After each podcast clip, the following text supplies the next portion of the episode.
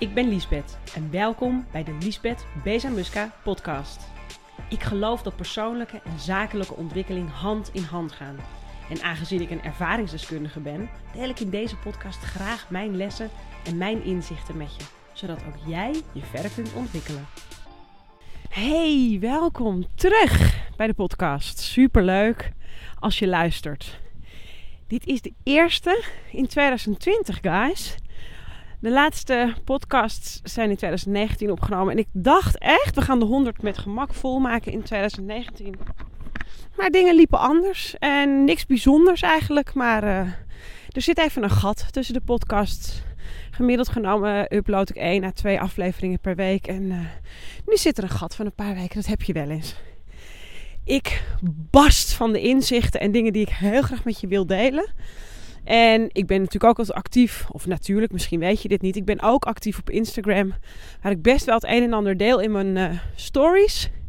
Maar als ik dan voel dat ik overloop, dat ik veel te veel in mijn stories wil proppen, dan weet ik, het is tijd voor podcasten. Die inzichten moeten eruit. Dus wandelschoenen aan, muts op, wand aan.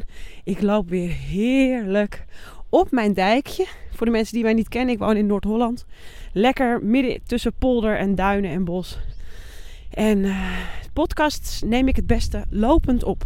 Dan stroomt het en dan uh, ja, vloeien mijn ideeën beter. Ik wilde ook echt al best een tijdje podcast doen, guys. Maar het was best iedere keer heel slecht weer. En donker. En, dan zat ik iedere keer, oh ik wil podcast. Dacht ik, nou doe het gewoon in huis. Maar dat werkt voor mij dus niet. Dus nou ja, hè, een afwijking. Uh, voor de mensen die mij niet kennen, superleuk dat je luistert. Ik ben Liesbeth. Ik ben ondernemer en uh, van twee bedrijven. Ik heb twee bedrijven en een gezin. Ik ben moeder van drie kinderen. En ik deel hier in de podcast mijn inzichten. Ik leer ondernemers en bedrijven online zichtbaarder te worden. Maar ik praat ook heel graag over de wet van aantrekking. Voor de mensen die vaker geluisterd hebben, welkom terug. Ik hoop dat je blij bent dat er eindelijk weer nieuwe episodes zijn. ik wil het vandaag met je hebben over een onderwerp. En ik heb niet teruggekeken in mijn eigen podcast overzicht. Of ik het hier al eerder over heb. Maar dit is zo'n groot thema van mij geweest van 2019. Dat ik dacht, uh, we gaan hiermee beginnen. Ik wil het met je hebben over vertrouwen. Want uh, ik weet niet of je de afgelopen vijf interviews hebt geluisterd met mijn goldmembers van 2019. Maar vertrouwen was echt een groot sleutelwoord in mijn eigen ontwikkeling en in, die in de ontwikkeling van mijn uh, gold members het afgelopen jaar. En waarom is vertrouwen nou zo belangrijk? Dat ga ik je vertellen.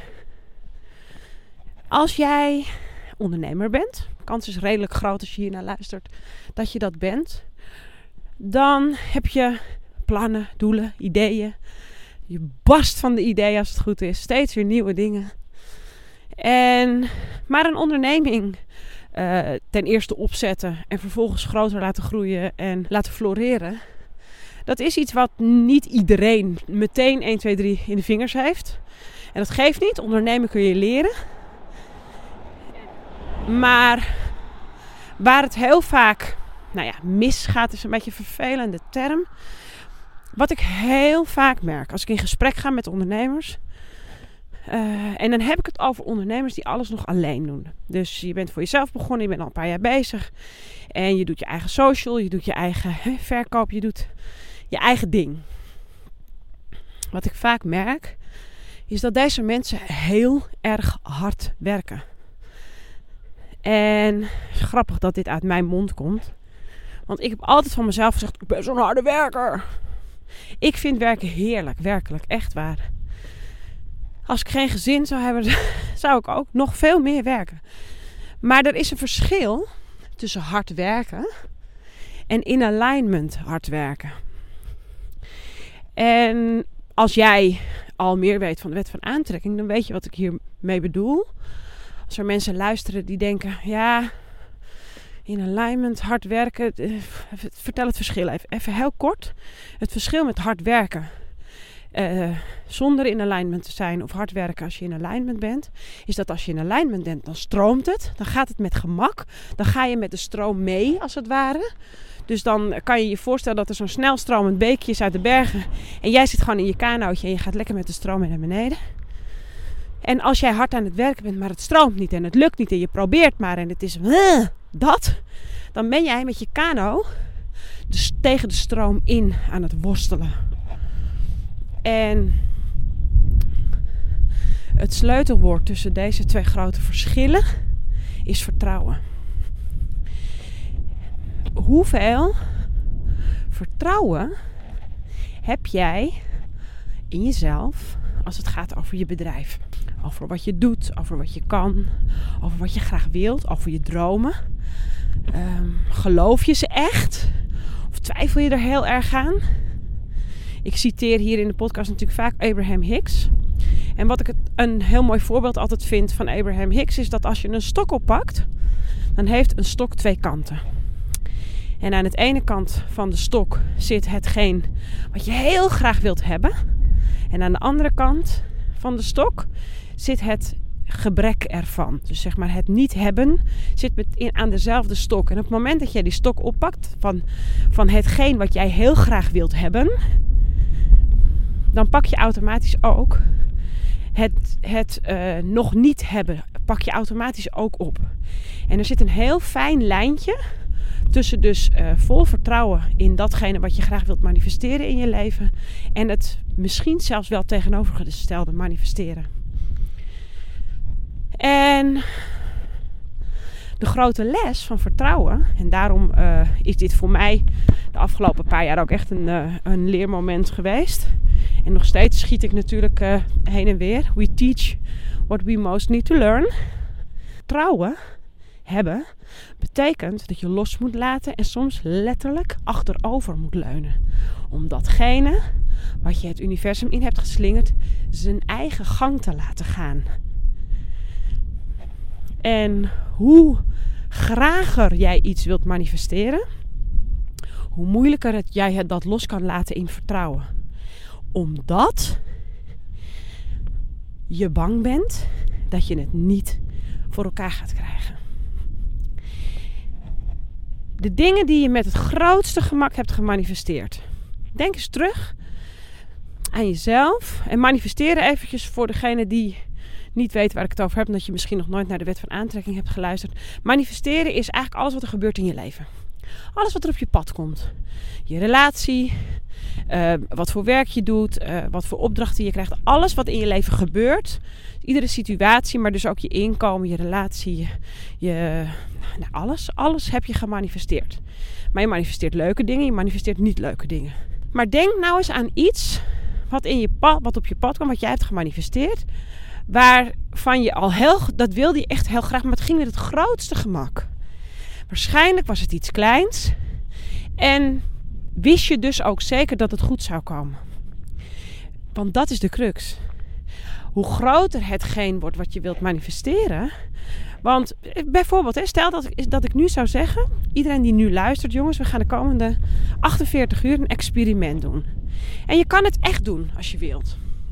Wat zou je graag willen manifesteren?